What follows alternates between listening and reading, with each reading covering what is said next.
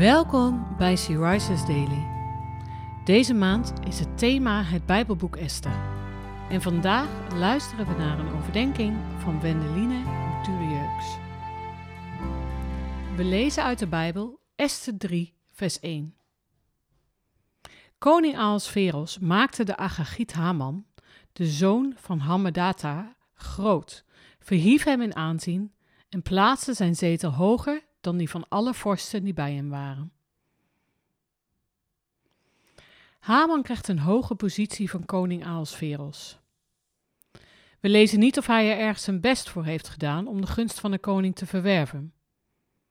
Maar hij wordt de machtigste man in het hele rijk. En macht geeft altijd de mogelijkheid om te overheersen. Haman genoot van zijn macht en iedere dag liep hij door de koningspoort en verheugde zich in het feit dat iedereen voor hem boog en op de knieën viel. Iedereen? Nee, toch niet. Er was een man die niet voor hem boog. Mordechai knielde of boog nooit voor hem. Hij was een Jood en hij wist dat God niet wilde dat zijn kinderen knielden voor mensen of afgoden. We kennen het verhaal van Sadrach, Mesach en Abednego, die niet bogen voor het grote beeld van Nebukadnezar. Zij werden in de vurige oven gegooid. Mordechai kon niet weten wat de consequenties waren van zijn keuze om niet te knielen, maar hij kon bedenken dat Haman er niet blij van werd. En toch knielde hij niet. Nooit. In het laatste Bijbelboek staat ook iets geschreven over een beeld en over mensen die dat beeld niet aanbidden. Dat zijn christenen, mensen zoals jij en ik. En wie niet knielde, werd gedood. Mordechai knielde niet en hij vertrouwde op God. Vertrouwen groeit niet in één dag. Vertrouwen groeit iedere dag een klein beetje.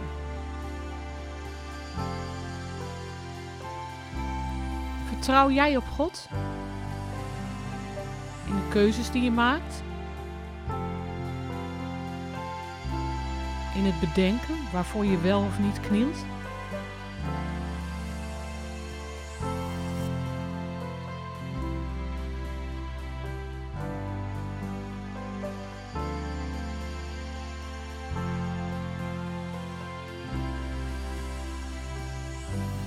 Zullen we samen bidden?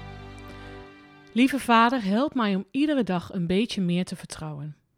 Ik weet dat u mij kracht zult geven in moeilijke tijden. Ik kan het uit mezelf niet, maar u woont in mij. Dank u dat u dezelfde God bent als die God die Mordechai hielp. Amen.